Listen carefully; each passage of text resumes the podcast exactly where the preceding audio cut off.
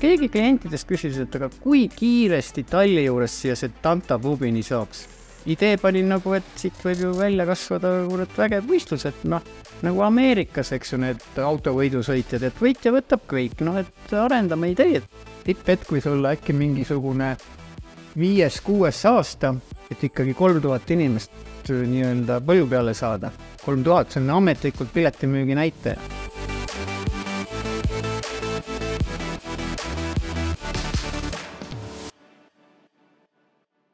tere tulemast kuulama Hobumaailma podcasti kaheksandat episoodi. mina olen Mari-Helen, aga tänast intervjuud viis läbi hoopiski Siim Nõmmaja ja tema vestles seekord Toomas Oinusega, kes on eestkätt võib-olla tuntud kui Vidrike galopi korraldajana. head kuulamist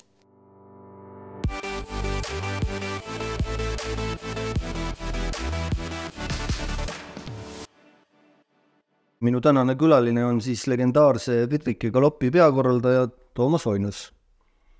ma püüdsin äh, internetist välja kaevata natukene andmeid sinu kohta ja ma leidsin siis äh, suhteliselt vähe. Et sa oled lõpetanud Treffneri gümnaasiumi, alustanud ratsutamist kümneaastaselt, tuhat üheksasada kaheksakümmend kaks aastal sõpruse karika võitja ratsutamise takistussõidus Ungaris Eesti NSV koondises.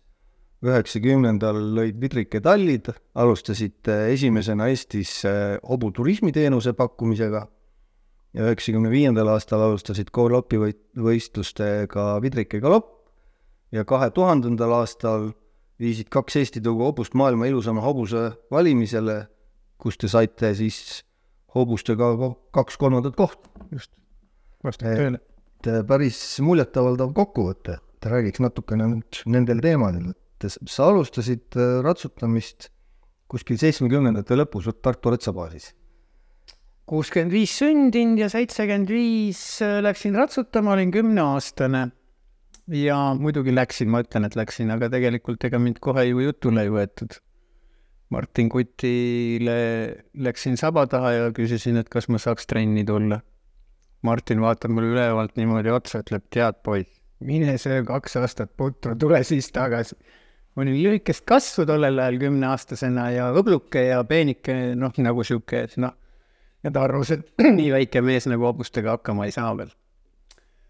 Aga kahe nädala pärast ma olin iga päev, läksin pärast kooli, teadsin juba, fikseerisin kellaaja ära, mis kell hobused välja tulid treeningplatsile.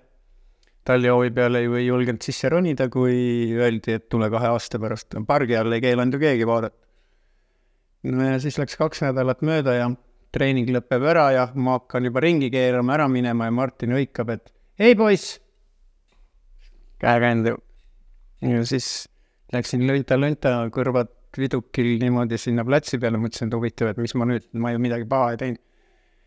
kuna ma vaatan, et kaks nädalat siin täpsel kellaajal, õigel ajal kohal ja koolitükke sa ei tee, tule siis parem trenni juba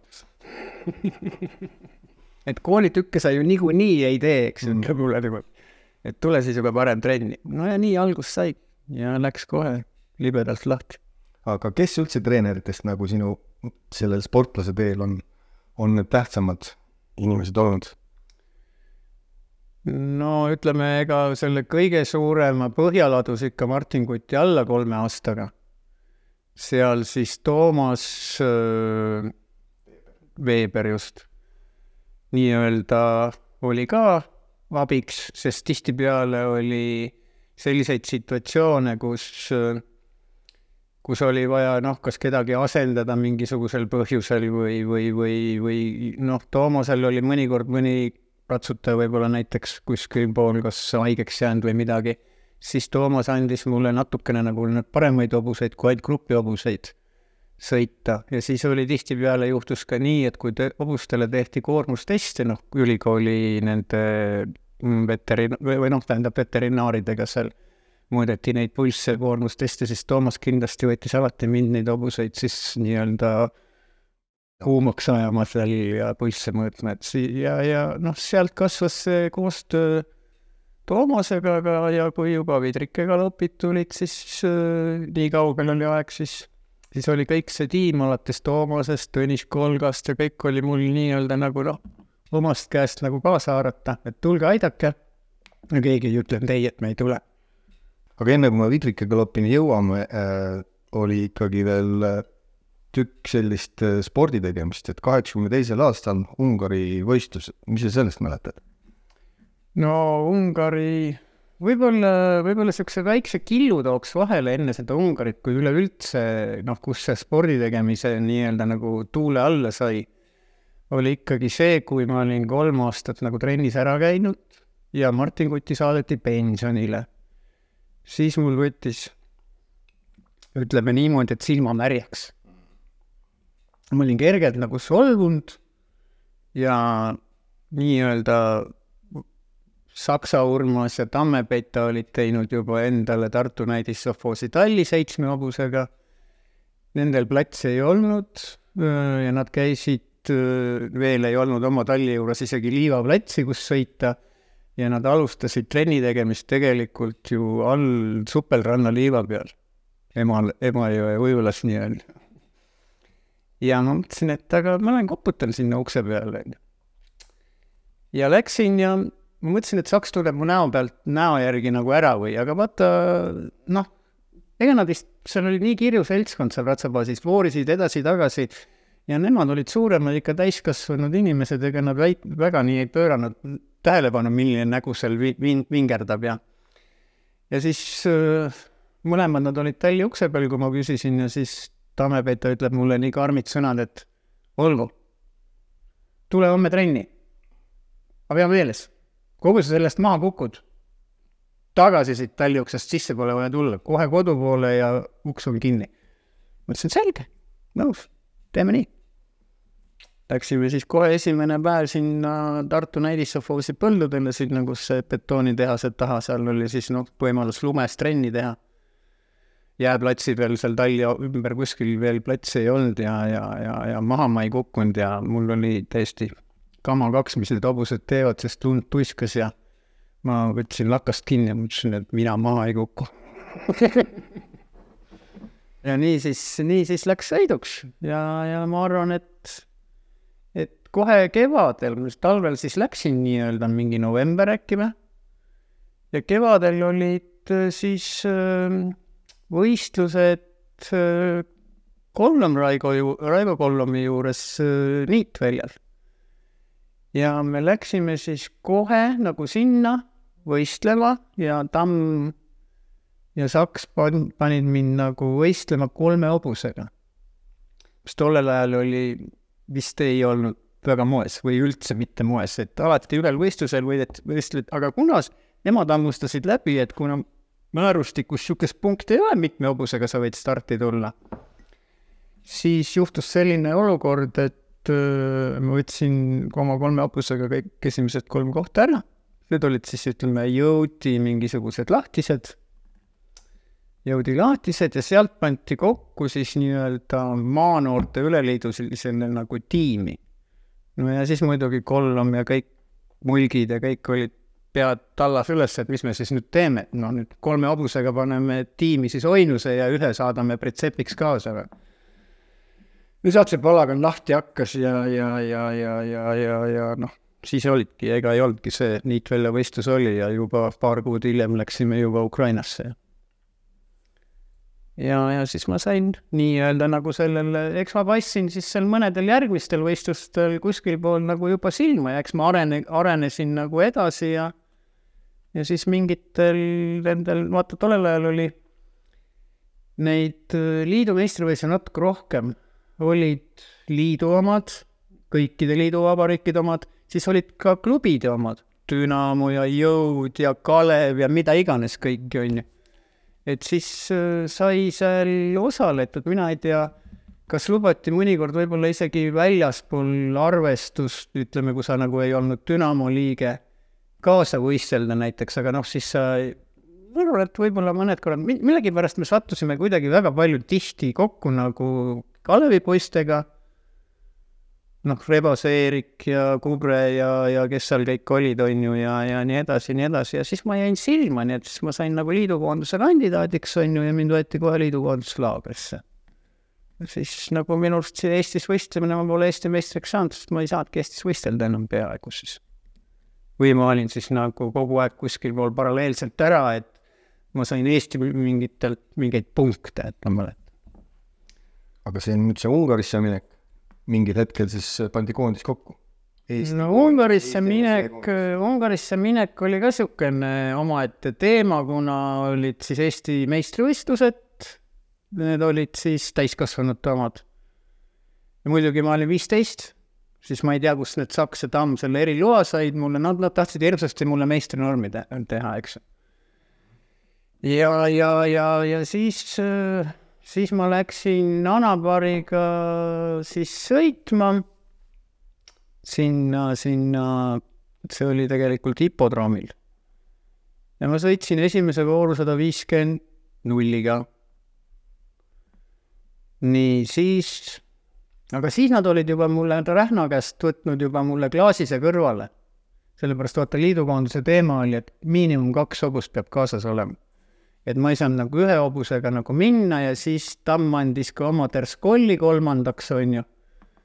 Terskoll oli nagu niisugune, ta ei olnud päris saja viiekümne hobune, aga seal koonduse laagris Venemaal, Moskvas oli ta nagu aktsepteeritav, on ju ja, ja, ja noh, ta hüppas küll sada viiskümmend Äh, nii-öelda ilusti, aga ta ei olnud veel minu jaoks, ma ei jõudnud teda ohjeldada nagu, kuidas öelda, kogu parkuuri vältel. Ta ikka läks liiga põlema mul käes, aga tal oli ülimugav hüpe, no ülimugav hüpe, ma väga, noh, mulle see hobune õudselt meeldis. või väga ei saa öelda õudselt, sest Kollomiga, noh, ma, eks Kollom oli selle asja sees ka, et sinna liidukoonduse värava vahele jalga saada, Kollom mulle paar aastat tagasi siin alles ütles, et tegelikult oli natuke tema käpp, et ta utsitas seal mingit Moskva koonduse treenerit, et mul on andekas poiss, on ju, et, et, et aga noh, et, et aga no venelastel oli lihtsalt teine teema jälle, nad olid väga, väga siuksed, kuidas öelda, kui seal nagu treeningutel ja sisevõistlustel, kontrollvõistlustel nagu Moskva omad pähe said, siis läks nagu terrorismiks lahti. siis mind hakati seal terroriseerima, mu hobustele ei antud ju, saepururuumid pandi lukku ja hobused seisid mul betooni peal ja siis ma pidin seda saepururuumi võtit öösel varastama ja ja Sepp ei raudanud Annabaril, mul tuli raud alt ära ja ütles, et sellest gastronoom on ju, ja ma läksin jälle öösel, varastasin tema kuradi peidukust võtmed ja nii algas see. nii algas see karm elu. aga kogemusi tuli sealt vägevalt. ja kusjuures liidukoonduse laagrist tulid ju hobused siiski ära varastada mul endal. sest Terskoli taheti ära võtta ja me pidime minema, me pidime minema noorte MM-ile Austriasse. Ja Terskoll taheti, öeldigi mulle, et Terskoll tuleb kaasa, aga sina tuled talli pühkima, eks ju, ja ja nii-öelda nagu hobuseid söötma, ma ütlesin, et teate, sõbrad, ruttu kõne Tammele kuskile poole, ma ei tea, kuidas ma helistada sain või kuidas ma seda sõna sain saata, et ja ma mõtlesin selle nipi ise välja ka. Ma ütlesin, et saatke kohe kolmi viiskümmend kolm, paguge tall, tagumine, tagumised uksed heinapalle täis, on ju, et need saab ruttu jalaga maha lükata, on ju, ma panen hobused valmis, kuskil kolme-nelja vahel öösel las tuleb kindlasti auto väravasse ja nõuab, väravavaht on siis õllest purjus, on ju, ütle, et näed, tuli kuradi seena ja, ja tulid ka pioskaer ja kõik muu, et noh, et mina panen ruttu tekid kaitsmed peale ja ega keegi ei viitsi kontrollida. Noh, palju ta heina maha lükkab, pool tundi, no võib-olla, mul oli pool, noh, hobused ras-ras peale ja ja nii sain ta, ja noh, kui hommikul hobuseid tallis ei olnud, ma ütlesin, mina ei tea midagi, mina magasin hotelli. saatsid lihtsalt minema? jaa, noh, Terskollist oleks ilma jäänud, no tänu sellele mind ju nii-öelda ikkagi mm,, kes on praegu selle, mitte Tartu näidis Sofoos, no ikka vist on Tartu näidis endine, vaadake, kes selle laevas oli laevajuht Mölder. tollest hetkest Mölder austab mind nagu ma ei kujuta ette, et, et noh, et noh, kuidas sa oskasid. no ega sealt, vaata, seal oli, kõik oli ju sõjaväe käes, eks ju, see oli armee spordiklubi, eks ju, ratsutamine. sa ei oleks sealt, sa võid kohtusse minna, sa võid mida öelda, sa ütled, et kas on meie naša, kõik, see on naša, sina Estonia ole vait, on ju.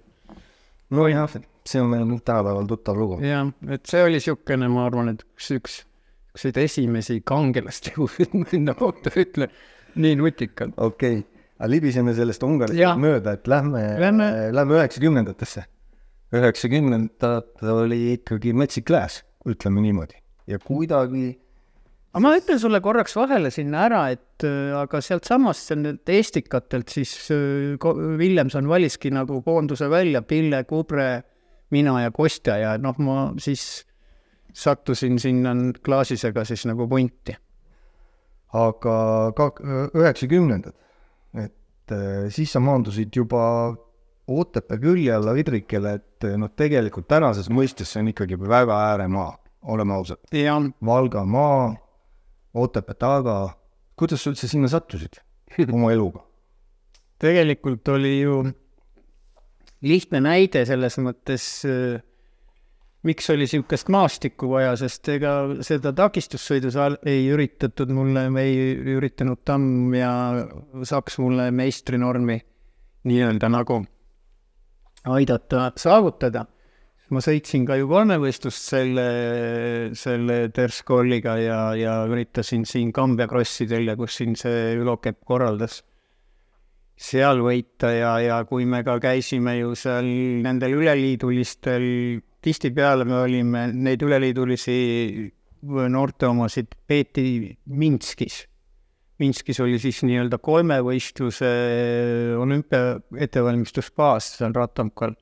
ja siis ma vaatasin, et no aga kuulge, et aga see samasugune maastik, mi-, mi-, mille jaoks on vaja siis sõita kuskile poole treeninglaagrisse kuuks ajaks sinna sinna Minskisse, on ju, kui me võime teha siin kambe taga, kõik kambest alates on meil kuppelmaastik, eks ju, noh, ideaalne kolmevõistluspleiss. sa nagu mõtlesid, et sa lood Vidrikele Ei, tähendab- koondise kolmevõistluskeskuse. eks mul oli hullemaid plaane, ma ei taha nagu öelda, mida ma sinna kõike unis- unistasin teha, aga pöördepunkti panigi seesama, kuna kaheksakümne kuuendal aastal ma mäletan, no ühesõnaga tegelikult pärast kaheksakümnendate olümpiamänge hakkas tegelikult liiduspordi, ma ütlen, kuidas öelda, kogu see rahastus ja võistluste kõik niisugune, no ühesõnaga taandareng hakkas.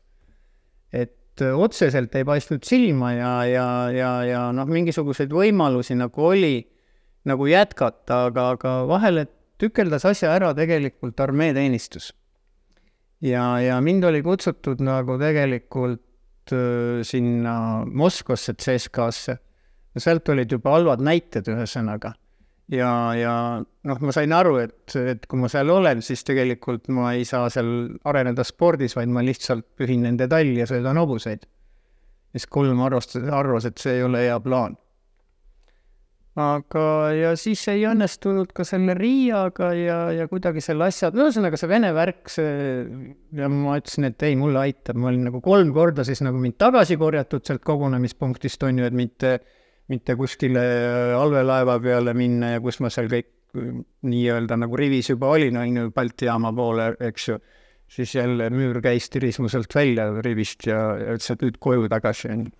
ma ütlesin, ja siis mulle see aitab ja siis mõtlesin, et ma lähen parem teen selle teenistuse ära ja siis vaatan, mis edasi saab, et võib-olla tuleb paremaid aegu, võib-olla ei tule. aga, aga Urmasega alustasime siis, Urmas ikka meelitas, kui ma ka tagasi tulin, kaheksakümmend kolm ma läksin sõjaväkke, kaheksakümmend viis sügisel ma tulin. ma mõtlesin, et ma enam ei jätka, aga ma läksin, esimene samm läksin loomulikult Urmasele külla, eks ju, kohe ja Urmas Saksal. ja jah, Luunjasse ja no enne kui ma ju armeesse läksin, enne seda me juba siit esimesi bokse lõhkusime vasikalaudast ju juba ehitasime nii-öelda oma käte ja kangidega nii-öelda juba talli otsa vasikate kõrvale hobuste kohti, on ju. et Urmas siis tiris mu nagu siis nii-öelda juba ennem otsapidi siia ja siis, kui tagasi tulin, ta ikka ütles, et davai, Tom, jätka, et, et noh, et mul mõned hobused sulle on, on ju, ma ütlesin, et noh, kes need hobused siis on üks oli siis Pamir, et Trei on sellega sada viiskümmend nulliga sõitnud, ma ütlesin, et nojah, okei okay,, et proovida ju väga võib, aga üks on vähe. siis oli veel Basalni, sellel tekkisid need hingamisprobleemid, sellega ei saanud ju iga võistlus sõita, siis kuna saad, kuna ei saa, kui kevadel on see õitsemise aeg. ja siis ma mõtlesin, et ei, et siit ikka head nahka, no ei ole, no ei ole seda perspektiivi nähta, et miks aega raisata, et nagu, et ja Urmas hakkas vaikselt juba oma talu juurde ka nagu siblima ja ma ütlesin Urmasele, et kuule, sa tee siia ja ma teen sinna, et vaata, mis siis saab, on ju. ja läksingi, läksingi siis nii-öelda nagu noh, leidsin selle talli, tall oli vapustavalt vägev, kõrge, eks ju, noh, kolm ka on imestanud, ütles, et üks vägevamaid talle, mida ta nagu näinud on, on ju. sest toritallidest on minu tall kõrgem, eks ju, ja laiem, mis tekitab väga suure mugavuse, sest viiekümne, kas viiekümne kolmega võis talli vahel vabalt sõita, on ju. et noh, saate, kui mugav on, sul ei ole kitsad, kui hobused käivad üks ühest mööda, hästi suur mugavus. Ja, ja, ja, ja suured boksid said tehtud kõik ja nii edasi ja noh, siis ühesõnaga läksin hullu panema, ega noh, läks, mõtlesin, et noh, noor inimene, tead, meri põlvini, läbi tule, läbi vee. Ja no eks mul oli nagu, mis oli nagu, aitas nagu kaasa ka, et et ma selle nelikese endale nii-öelda siblisin, noh, kui sul on loomaarst omast käest võtta, noh, siis ta oli mu peale nats pahane, et äh, miks ma vett ei tulnud õppima, ma olin talle lubanud, et ma tulen. Aga tulin sõjaväest tagasi, käisin seal nullis ära ja ma sain aru, et no mida, et kaks loomaarsti kodus, et no kuule, siis las üks olla loomaarst ja teine olla sportlane, et me läheme seda teed, nüüd ta on andestanud mulle, aga vahepeal ikka lööb, lööb nina peale, et lubasid, aga jätsid täitmata tood oleks ja siis hakkasime põlve otsas tegema, et, et, et kõigepealt noh, hobuseid oli vaja ju. mis sa teed, kui sul hobuseid ei ole? et noh, tegelikult oli majandi aeg veel, ütleme nii-öelda eksisteeris kommunisti sofoos on ju, siis ma sain oma ema käest ühe korraliku peapesu, ütles, et kõige vaesemas ääremaal, pole asfaltteidki, kümme kilomeetrit kruusatolmu sisse mõtted, noh, nii kui tänapäeval pommiauk, ühesõnaga, noh, miks sinna, ma et ema, sa ei saa aru, see on lood-, mul on neid looduseid vaja, siin näed, Tähtvere park on küll kihvt, aga et sa ei saa Tähtvere treppidest hobusega üles sõita ja mäest alla mööda lauluvälja pinke pelerolli hüpata, no ei saa, on ju, noh. et, et aga see on mulle, noh, mind võlus see koht nagu ja, ja, ja, ja no hullult põlus on ju ja see veesilm, see järv kõik, et vaade järvele ja no ma sain aru, et noh, see on paradiis, kus hobustega möllata, on ju, noh. ja nii see siis läks ja siis noh, kuna juba oli muus maailmas nagu silma ka nagu nähtud, et see nii-öelda, kuidas öelda, et ainult spordi kõrval, noh, puhta spordiga nagu on raske, eks ju, et kui, kust sa selle rahakoti saad, eks ju, Tartu näidishobues oli rikas, on ju, okei okay,, ostis mõned hobused, aga mitte ka lõpmatuseni, on ju et, siis ja nad tahtsid ka alati tulemusi näha, noh, eks siis mõtlesime, et vaatame, elame raskemad ajad üle ja võib-olla tuleb uus mingisugune õitsev hetk, kus teeme ettevalmistused, hakkasin hobuseid vaikselt ostma. ja mõte juba oli, kuidas hakata nii-öelda selle ratsaturismi tegema, sest noh, mujal maailmas see ju toimis hästi, Ameerikas ja igal pool ja ja nii siis sai nagu alustatud noh, esimesed hobused ma tegin kõik, ma ei ostnud kuskilt valmis hobuseid ega vanu, ma tegin kõik hobused nagu, noh, ma teadsin seda, et hobune peab olema rumalale või algajale, no ikkagi heas mõttes rumalale inimesele, kellel kogemusi ei ole, on ju, et loom peab olema nii kindel, et ei tohi olla mingite vanade kiiksudega, mida ei saa välja juurida. et ja kui ikka kaks aastat minu taguotsa all hobune ära oli, siis ma olin surmkindel, et kui ma olen näo, näo, silma ulatuses sellele nii-öelda hobusele, siis ta kindlasti ei tee midagi paha. aga põhikontingent olid eestlased, Eesti hobused? ei, see ei olnud alguses. see Eesti hobuse idee, päästmise idee tekkis tegelikult Nellil. noh, Nell on niisugune, et noh, vaata, meil oli kuidagimoodi kahju vaadata, kuidas Äh, kui need majandid kõik lagunesid ja see nii-öelda kehv aeg oli, siis äh, Eesti hobus äh, müüdi lihtsalt, kuidas öelda, mitte võileivarahaga, vaid leivarahaga müüdi nad ju Soome ja igale poole nii-öelda hobihobusteks laiali, on ju.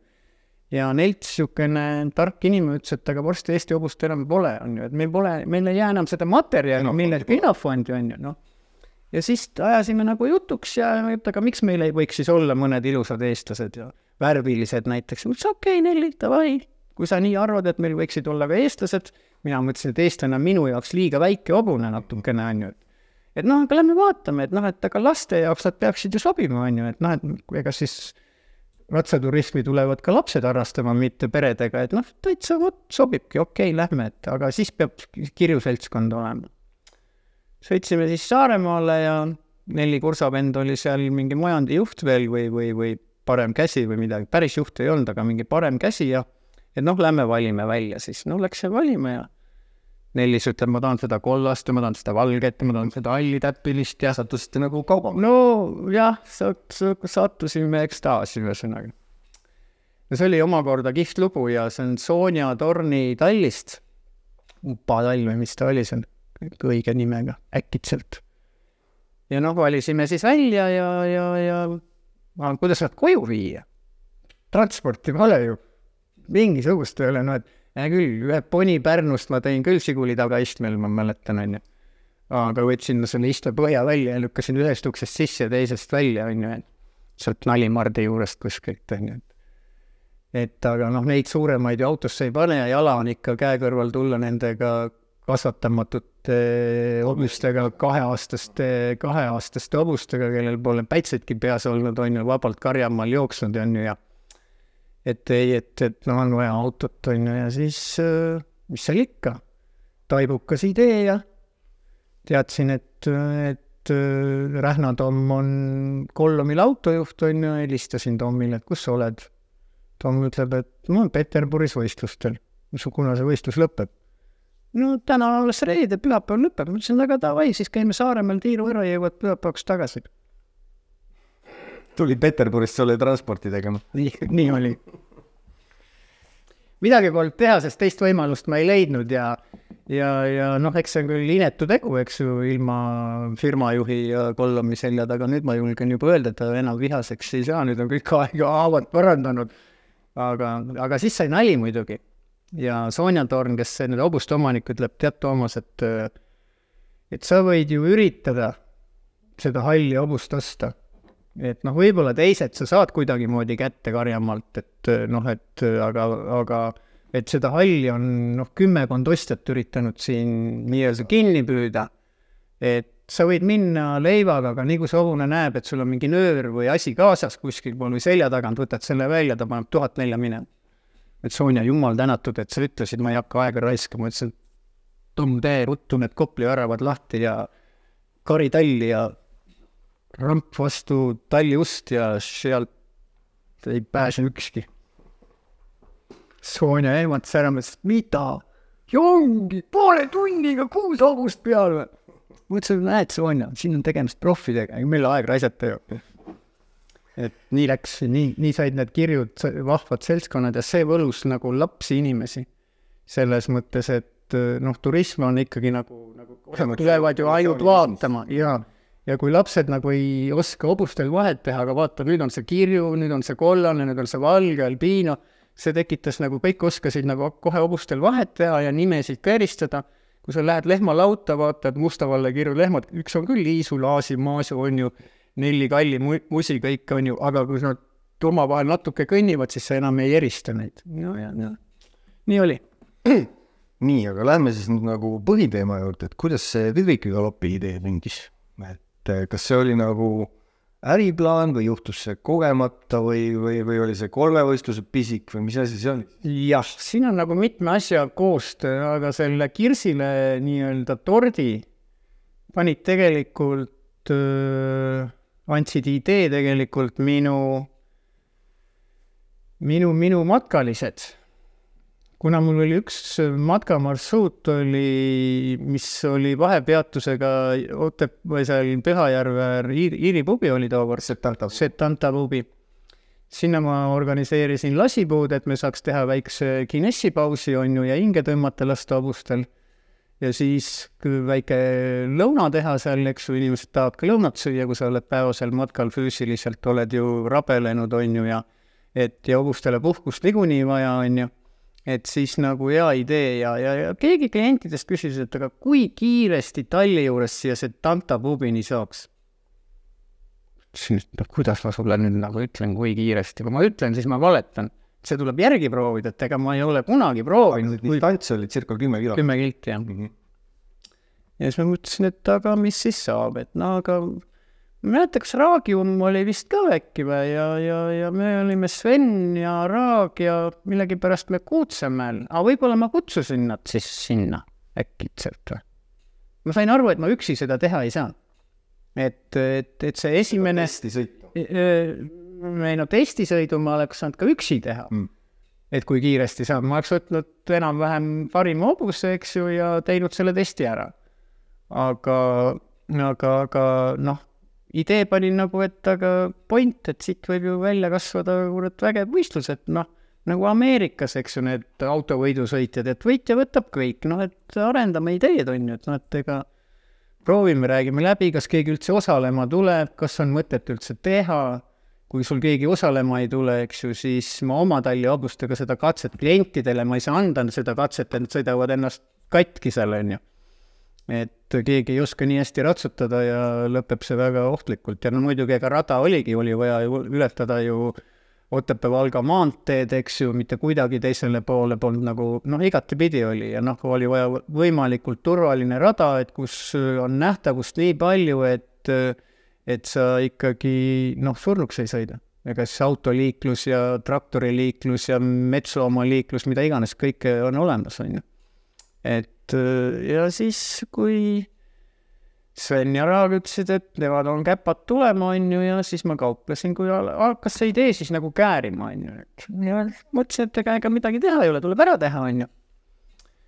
ja, ja nii see siis sündiski, et, et Saksa Urmas lõi punti, muidugi si-, Sireti pani nagu starti, on ju, et noh, ja nii me siis korjasime, me saime vist kümme hobust ilusti starti kokku, vana Rähk oli ka, Tõnu Rähk. ma vaatasin neid, mul on olemas, kuna ma ise olen ka võistelnud mm, -hmm. mul olid vanad kavad. ma vaatasin, seal olid eh, esimestel võistlustel olid siis stardis siuksed nimed nagu Urmas Raag, Raul Kauna, Tõnu Rähk, Siret Saks, Maie Kukk, Rein Pill, Sven Sois, Alla Kladeševa, Mikk Nõmm, Gunnar Klettenberg, noh, tegelikult kogu see selts, kes, kes täna, kes veel täna enamuses ikkagi meie hobumaastikul toimetab. mm. -hmm. et väga muljetavaldav, jah. ja, jah. ja, ja, ja siis äh, sai see asi teoks tehtud, noh, sai, sai natukene seda sponsorlust kokku, kokku kraabitud ja, ja minu arust, kas äkki peasponsoriks ma suutsin ära rääkida äh, Pallo, Pallo, ei, Philip Morris siis ei olnud. Pallo Tartu õlletehase endine direktor ja ta toetas ka jalgpalli ja, ja, ja, ja Puriraul oli taga ka nagu, käis jahil vist koos või natuke puutus seltskonna sinna jalgpalli seltskonnaga ja ma ütlesin, et noh, et me arutasime Puriga ka hästi palju, et kust seda sponsorlust nagu leida kõike, on ju, ja noh, Puri toetas oma TTK-ga ja ja, ja, ja noh, kõik natukene kuskilt poolt, on ju, ja, ja siis noh, ega raske on sul tõestada, keegi ju ei tea, mida sa tegelikult ära teed ja mis sellest nagu tuleb, on ju ja siis ma sain aru, et noh, et okei okay,, et saaks selle korralduse poole kulud nagu kuidagimoodi noh, natukegi midagi tagasi, on ju. et siis, siis, siis peaks see asi nagu õnnestuma. Ja leppisime siis niimoodi kokku, et okei okay,, et teemegi siis niimoodi, nagu see jänki süsteem on, et igaüks tuleb stardimaksu tuhat raha kaasas, on ju, ja võitja võtab kõik ja teised lakuvad käed puhtaks, eks ju, et äkki järgmine aasta õnnestub ja kõigile sobis see, kõik said aru, et noh, aga kõigil on šanss, on ju, keegi ei tea, see on etteaimamatu, mis juhtuda võib, on ju. et kes see siis selle nagu ära võtab ja, ja tänu sellele, et kõik olid nõus seda stardimaksu panustama, tänu sellele see tegelikult õnnestus hästi. ja muidugi kuidagimoodi pla-, noh, eks me tegime natuke reklaami ka ja plahvatuslikult äh, Kuku raadio vist oli taga ja ja, ja, ja noh, see läks rahvale nii peale et rahvas oli nagu sillas. et rada oli põnev, teistpidi muidugi toimus kohe publikuralli, autoralli paralleelselt. olid, panime ju politseieskordi kaameraga nagu esimesse autosse kaameramehe, kes finišit nagu su-, suudaks jäädvustada. see muidugi ebaõnnestus, et see politsei esimesena sinna vilkuritega jõudis, publik jõudis ennem finiši, finišisse kui politsei oma vilkuritega ja, ja muidugi siis mul oli pärast seda nagu selge pilt, kui ma selle info teada sain, et politsei ei jõudnud sinna esimesena. et publik sõitis Vidrike tee pealt kahelt poolt politseist vasakult ja paremalt mööda.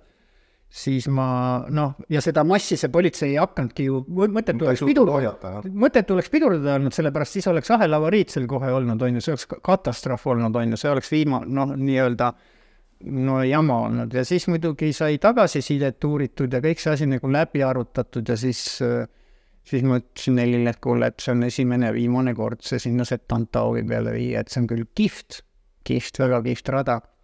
aga niimoodi me jätkata ei saa, sest tegelikult ma sain pärast politsei käest ka side, tagasisidet, on ju. ütles, et tegelikult tee sulgemine, et me nüüd hobustega lähe, võistlus läks üle asfaldi, oli vaja ületada et tegelikult oleks vaja maantee sulgeda ohutuse pärast. maantee sulgemine on maa, läbi Maanteeameti väga kallis lõbu, sa ei tohi sulgeda. isegi takistada ei tohi mingisuguse asjaga, et see peab olema väga kõrgel tasemel kokku lepitud.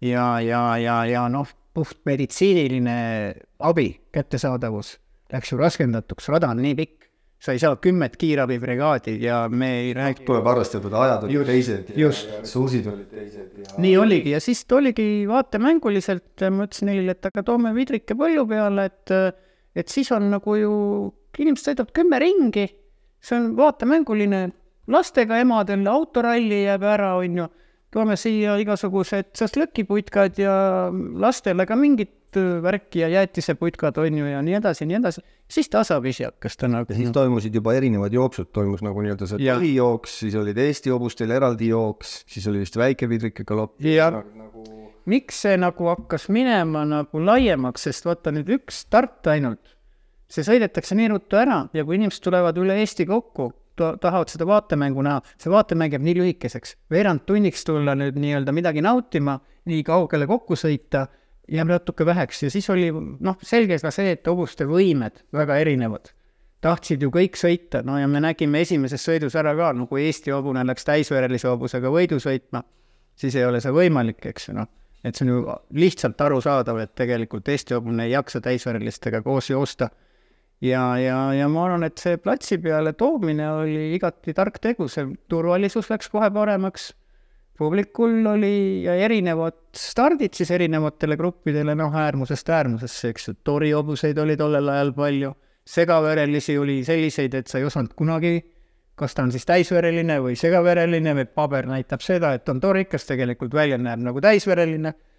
Et noh, et äh, siis tuli võtta see nii-öelda, kuidas hakata ikkagi jaotama võistlusklassid ikka suhteliselt võrdseks hobuste võimete järgi ja, ja, ja, ja ja siis hakkasid auhinnarahad kasvama ja kuna esimene võistlus tuli hästi ja teised ja siis oli juba nagu lihtsam ka nagu sponsorite ukse taha koputada, et noh, nad nägid, et ja noh, kajastati meedia ja natukene ikkagi Postimees kajastas ja, ja, ja, ja kõik niisugused asjad, et see info nagu levis. ja noh, ma olingi nagu, ma mäletan nooruspõlvest, kui nukker me olime, kui meil olid mingisugused võistlused ja keegi sellest kunagi kuskil poole ei kirjutanud. olid nad eestikad või midagi, kuskil ajalehe nurgas, võib-olla Kalevi korvpallist kuulsid midagi, kui Kalevi korvpalli mängis, ülejäänud spordist ei kuulnud mitte midagi, ööd ega mütsi, eks ju eriti noh, ratsutamisest mi- mina mäletan nagu ja, ja samas me teadsime, et meil ju täiskasvanutes on nii kõvad, kõvad sõitjad ja teevad siin liidu meistrid võistlustel, sõidavad Rähnad ja Sirelid ja igasugused muud mehed, rääkimata, keda sa siin ju neid Pille ja, ja, ja Kaunasid ja, ja keda veel kõike, noh, kõike ei jõua nimetada, aga noh, tipptegijaid, tipptegijad ikkagi, et noh, et noh, peab ju saama rahvas ka teada, et meil on niisugune lahe ala ja, ja noh, et ega mul oli oma klientuuri vaja.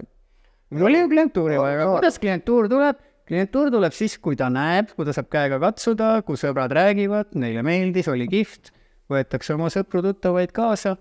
ega palju oli ka selliseid, kes üks pereliige ratsutas ja teine oli nõus täitsa aega viitma ükskõik kes, nautima järvi, järve ääres või patsutama seal ponisid, lihtsalt kõik ei julgenud hobuse selga ja ei tahtnud ja nii see toimis. taustaks tuleb ju öelda seda, et üheksakümnendate lõpp ja üldse üheksakümnendad olid ju tegelikult ratsutamise ja hobumajanduse mõttes ikkagi väga nukker olukord, et väga palju hobusid oli ära müüdud, sportlik tase oli alla läinud või ei toimunud, sest noh, oleme ausad, vaesus oli majas. selles mõttes oli see Pidriki galopp, mina julgeksin teda väga vabalt ja täitsa ausalt võrrelda täna Horsshow'ga.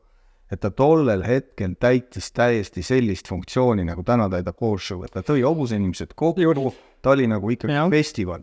et äh, oli raske aeg, jah, oli hoopis teised ressursid ja aga, aga see entusiasm ja see, mis seal toimus, see oli ikkagi fenomenaalne. ma ei mäleta nüüd peast täpselt, mitmes aasta see võis olla, aga võib-olla ütleme kuskil tipphetk võis olla äkki mingisugune viies-kuues aasta, noh, nii-öelda järje, järjestuses, et kaheksa aastat nagu üldse tegelikult toimus, et see viies ja kuues võisid olla ühed kõige paremad, noh, neil teaks võib-olla pä-, täpselt peast, tal on hästi hea niisugune matemaatiline mälu ja numbreid mäletab väga hästi, et ikkagi kolm tuhat inimest nii-öelda põllu peale saada, kolm tuhat, see on ametlikult piletimüügi näitaja. ehk siis noh, noh, see ei ole suvaline otsus, et ja arvestame, et seal olid ju sees pensionärid, olid küla või noh, kohalikud pensionärid, minu arust kõik pensionärid olid tasuta. olid, olid jah, kõik pensionärid tasuta ja alla meetri mehed, meetrine pulk oli, kes oli alla meetri, sellel ei olnud mingit piletit, on ju. et aga päris niisugust poolikuid lastepileteid või niisuguseid ei olnud ja perepileteid ka ei olnud, et noh, selles mõttes, no ühesõnaga, see oli kõik areng ja, ja seda raha oli lihtsalt vajata nende kulutuste katteks, mis muidugi ega need kulud ära ei katnud ega, ega ega noh, see on kindlasti iga ürituse korraldaja. sest ka just, just, sest noh, meie arenduskulu läks ju kogu aeg suuremaks, et kui noh, läksime ju järjest edasi telgirentide ja kõik noh, tase kogu aeg tõusis no,. Teil olid ju lavad, esinejad, kõik just, nagu just. korralik produktsioon. lõppude lõpuks päädis ju selle Triple Crowni sarjaga, kus oli ka Kajamaa galopp oli juba sees ja, ja, ja toimusid erinevad etapid ja noh, et see arenes nagu nagu väga kõvasti, kuigi see Steeplechase'i areng oli sinna jah, selle me tõime sinna juurde, et saada sellele rahvusshow'le nagu, no see oli kõva, kõva töö, eks ju, et ütleme, et ikkagi see kõik valmis teha.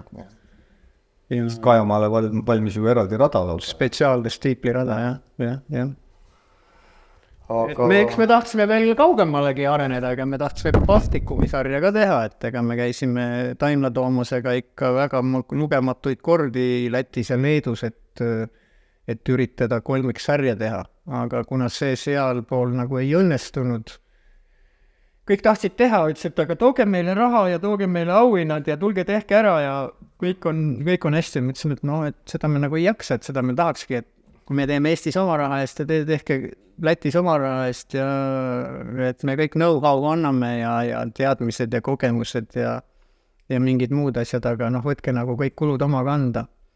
Noh, see ei õnnestunud, see aeg on tõesti üli, üli, üli, üli, üliraske aeg, eks, et, et, et aga noh, õnnestus, et mm. -hmm.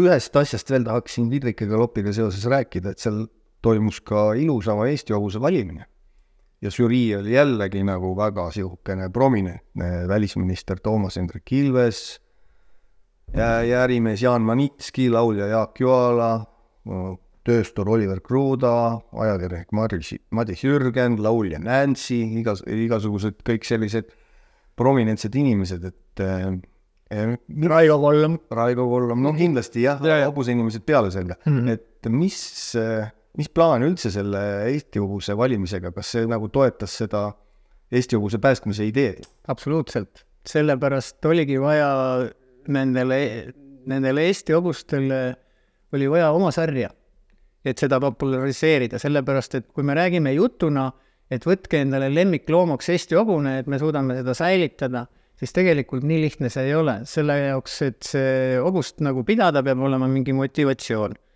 ja, ja, ja kuidas seda motivatsiooni ja kuidas seda, seda jõudlust ja paremust ja ilu ja mid-, milliseid paare siis sugu, tähendab selles nii-öelda aretuses hakata kasutama ja ja, ja noh, see noh, ühesõnaga see suur, suur tervik. et äh, ilma neile eraldi võistlussarjata ei ole võimalik seda, seda Eesti hobust päästa. ja, ja kuna me olime Nelliga käinud Ungaris äh, vaatamas maailma ilusama hoobuse valimist, siis ma mõtlesin, et aga noh, nelja aasta pärast on järgmine, paneme kodus töö käima, teeme neile galopid, näed siin, valime ilusamat Eesti tõugu hobust, on ju, teeme, harjutame ja nelja aasta pärast läheme siis maailma ilushobusele oma aborigeense tõuga välja. nagu missivõistlus? jah, täpselt ongi missivõistlus jah, ja, ja, ja, me, ma ei valeta sulle, see on ilmselt võimalik. minu arust oli kas isegi nelikümmend kaks või kolmkümmend ka-, kas kolmkümmend kaheksa või nelikümmend kaks riiki oli, oli osalemus sellel maailma ilusa hobuse valimisel. ja meil õnnestus sealt jah, siis kaks kolmandat kohta. sest ja seal oli väga tark idee ka, et tegelikult tollel aastal ei võitnud ralli, vaid võitis see mulkide mm, hobune, mis ta nimi on? ei, mitte Tooder, Tooder oli minu talli hobune. Oi, oi, oi, oi, oi, oi, oi. no pole hullu. no keele peal on, aga eks ta, eks ta tuleb ja siis äh, Nelli, kuna Nellil oli üks kaheksandik nagu, üks kaheksandik ainult eestlast, siis millegipärast žürii pani ta nii-öelda nagu, kuidas öelda, tõstis ta, ta nagu mitte puhtvereliseks hobuseks, ühesõnaga, et, et noh, passi järgi ta oli küll Eesti tõugu hobune, eks ju, meil see üks kaheksandik oli nagu, nagu sealt või noh, nii meie reeglites nagu sees aga žürii otsus oli, et ta läheb siis nii-öelda vabaklassi või, või noh, ühesõnaga, kuidas öelda, jah, vabaklass või, või, või tundmatu aune, ühesõnaga. et siis, siis niimoodi, niimoodi nagu meil õnnestus need kaks kolmandat kohta saada. Toomas, meil jätkuks juttu veel Palju. kauemaks, ma arvan, veel mitmeks, mitmeks seeriaks, aga tõmbaks vaikselt otsad kokku, et viimane küsimus on see, et eh, nüüd sa oled sellest ohustest ja ratsutamisest ikkagi päris pikalt eemal olnud. et kuidas sa niimoodi distantsilt vaatad seda tänast hobumajandust ja, ja ratsasporti ja, ja mis mulje sulle see asi jätab? no mulle jätab ta väga hea mulje selles suhtes, et see areng on nii hüppeline olnud, et äh, ilmselt sellest ajast, kui umbes mina lõpetasin, seitseteist aastat on nüüd sellest möödas, kui vidriketalli uksed said kinni pandud, siis, äh, siis hüpe on olnud kiire, hobuste arv ja sporti harrastavate klubide arv, tallide arv on, on hullult, mina mitte hullult, aga väga võimsalt tõusnud. ja, ja muidugi sportlik tase on ka, eks tänu sellele, et, et piiri tagant on ikkagi ostetud ikka piisavalt palju väga head hobumaterjali sisse et seda kõike ei tehta ju ainult kodumaiste, kodumaiste või kodus kasvatatud hobustega ja ja noored on saanud, ütleme nii-öelda võimaluse, eks ju, noh, see on ju, kõik algab ikkagi spordi juures see, et sul peab olema finants taga. sa pead saama mitte ainult hobuse osta, sul peab olema ka raha temaga võistlustel sõita, on ju.